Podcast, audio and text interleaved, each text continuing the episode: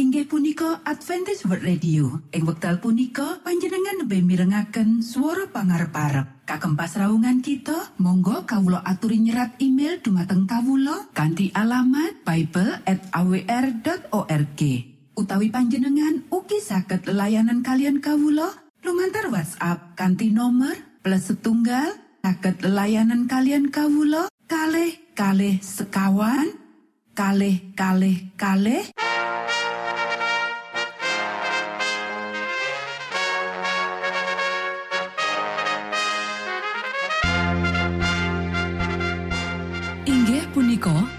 Adventist World Radio ingkang giaran kanti basa Jawi. Tentrem Rahayu kula aturaken kagem para mitra kinasih ing pundi papan lan panggonan. Sugeng pepanggian malih kalian Adventist World Radio. Kanti bingahing manah Kulo badi sesarengan kalian poro mitra kinasi. Lumantar saperangan adicara ingkang sampun rinonci. Mligi kagem panjenengan sami. Mugi giaran punika saged migunani tuwin dados berkah kagem kita sedoyo. Sugeng midhangetaken Gusti amberkahi.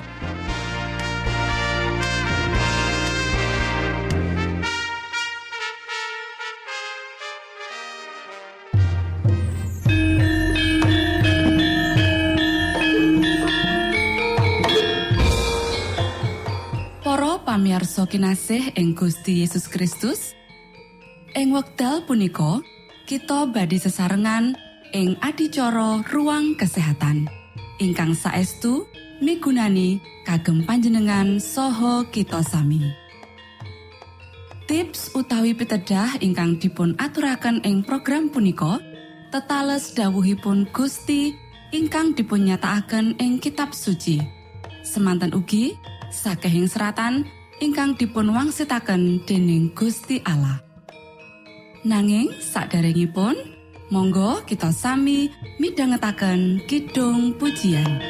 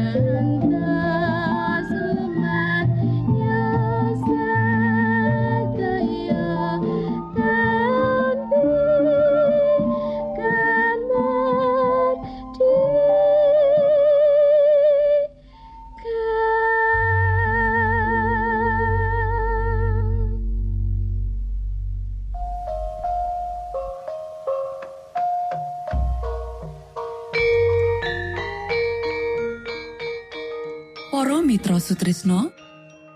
Puji syukur dumateng Gusti ingkang murbeng dumati ingkang sampun kepareng paring wewenngan kagem kita. Satemah saged nglajengaken ruang kesehatan. Pirembakan kita semangke kanthi irah-irahan. Pengaruh pemanjaan fisik mental lan moral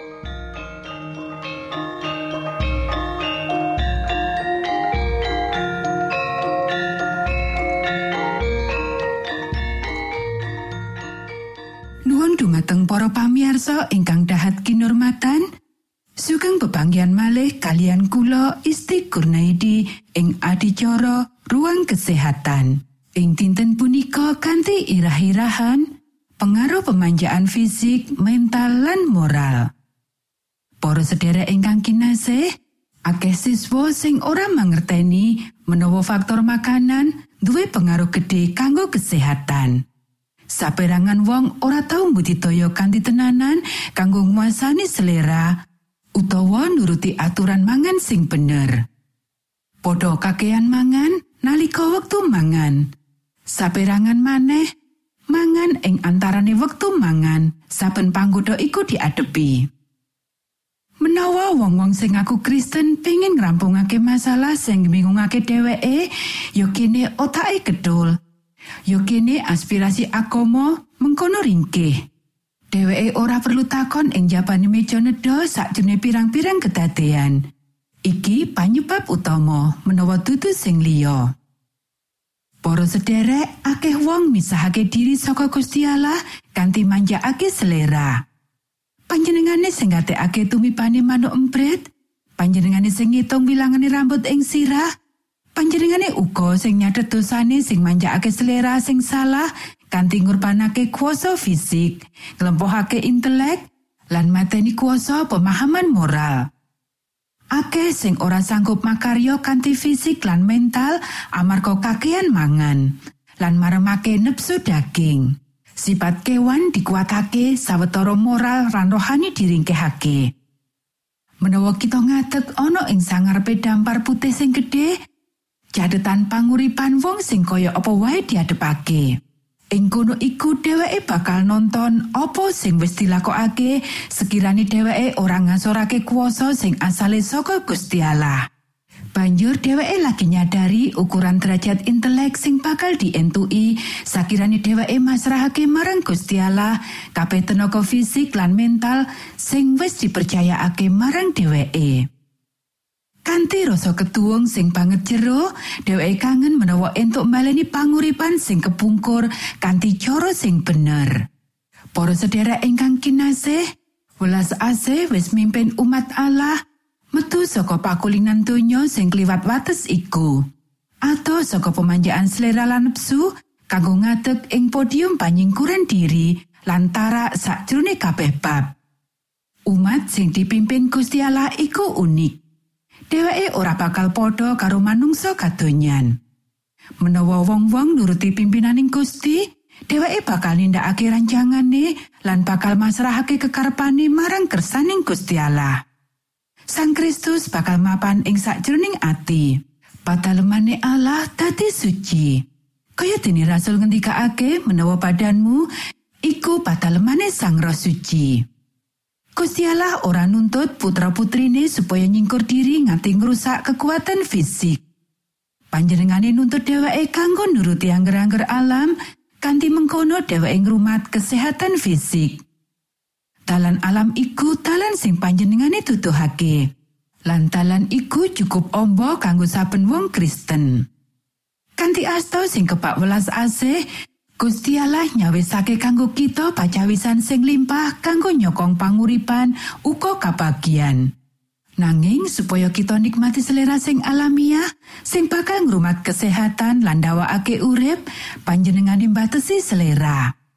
Panjenengane ngendika, "Sadaro, watesana nyingkura kabeh selera sing ora alamiah." Sekirane kita nyiptakake selera sing salah, kita nglanggar angger-angger badan lan mikul tanggung jawab. Amarga nyalahgunakake badan kita lan gawa lelara marang awak kita dhewe. Matur nuwun, Gusti amberkahi.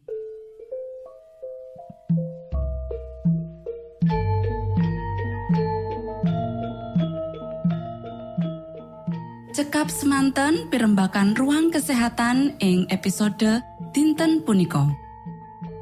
Ugi sampun kuatos jalaran kita badhe pinanggih malih ing episode sak lajengipun.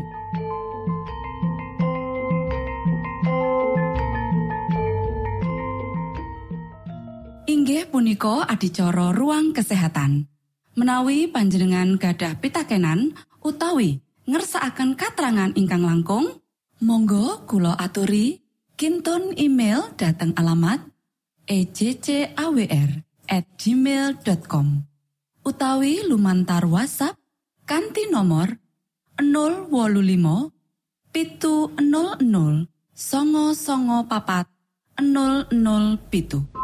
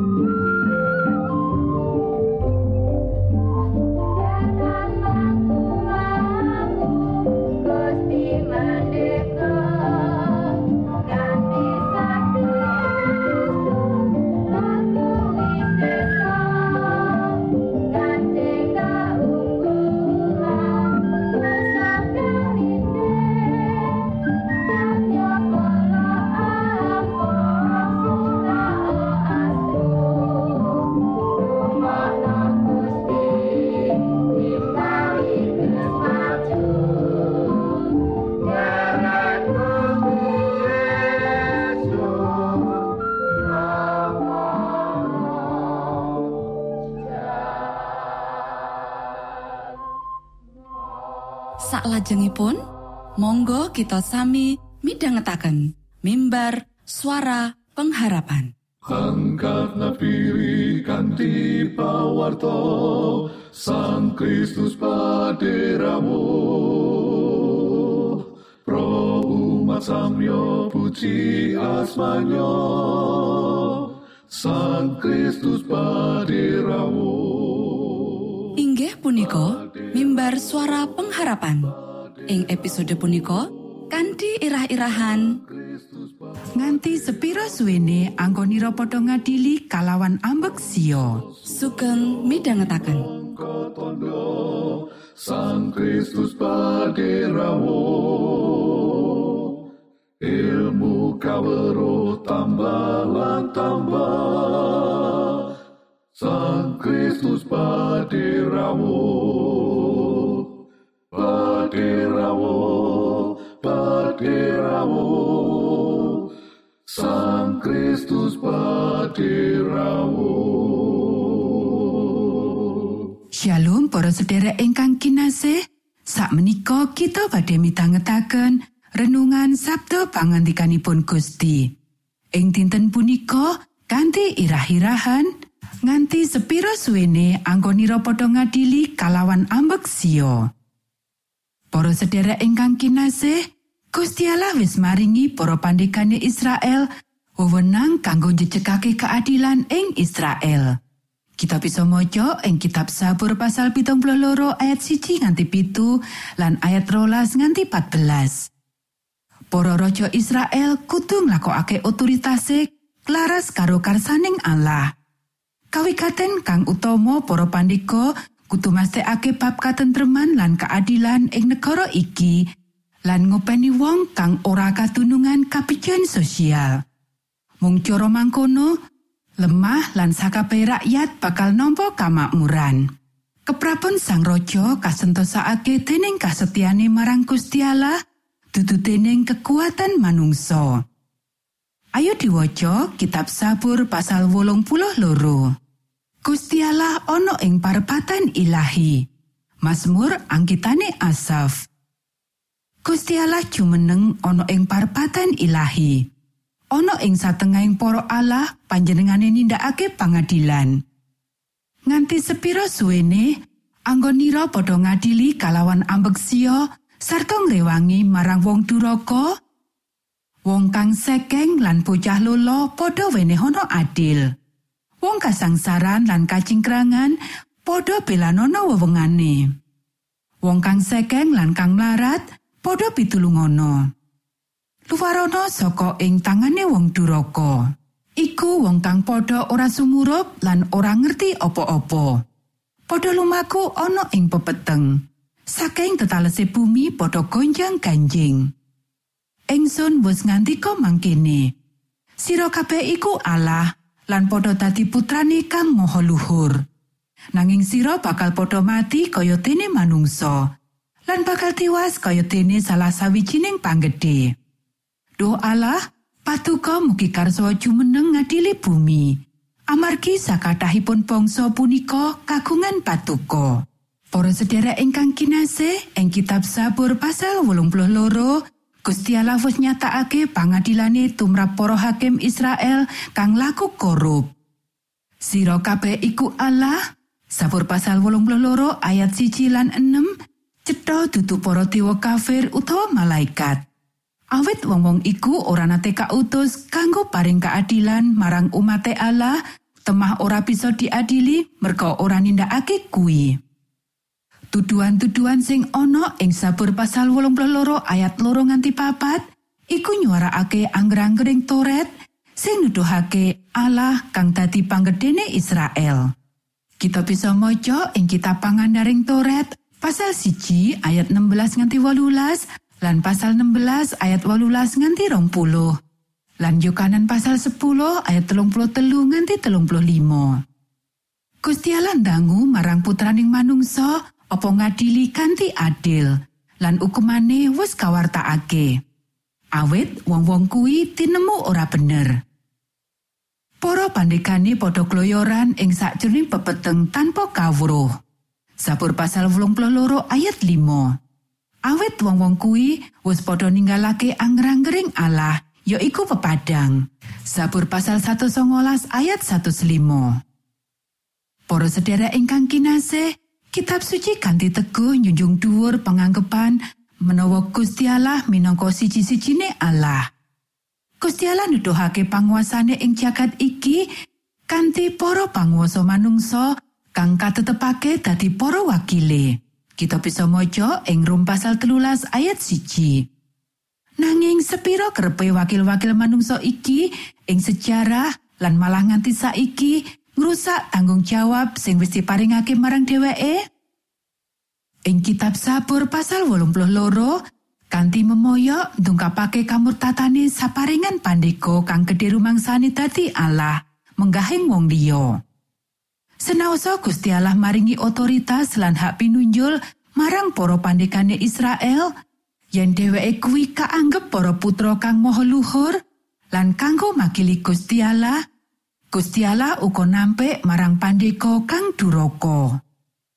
Gusti Allah ngelingake yen para pandekane kuwi mung manungsa lumrah lan tunduk marang angger-angger moral kang padha karo manungsa liyane. ora ana siji pawongan, ora ana sing ngungkuli angger-anggering Gusti Allah. Kita bisa maca ing kitab Sabur pasal 82 ayat 6 nganti 8. Para sederek, Gusti Allah bakal ngadili saindenging jagat. Umating Allah uga bakal ngaturake tanggung jawab marang Gusti Allah. Para panggedeni jagat utawa rakyat kudu nuladani hakim ilahi lan duweni pangarep-arep kang pungkasan marang Gusti Allah. Matur nuwun, Gusti amberkahi.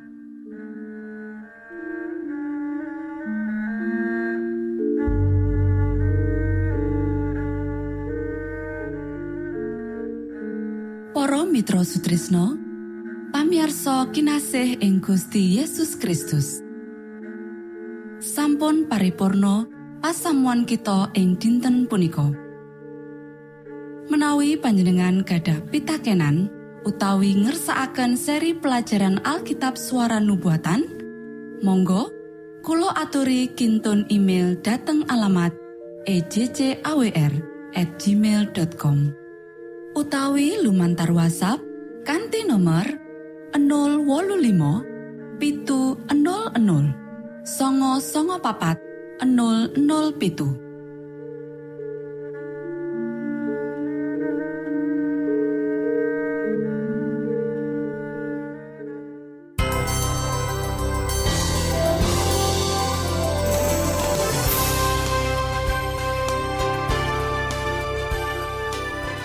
Matur nuwun kagem wektalipun kita badhe pinanggih malih ing gelombang ugi wekdal ingkang sami. Saking studio kula ngaturaken tentrem rahayu. Gusti amberkahi kita sedaya. Maranata.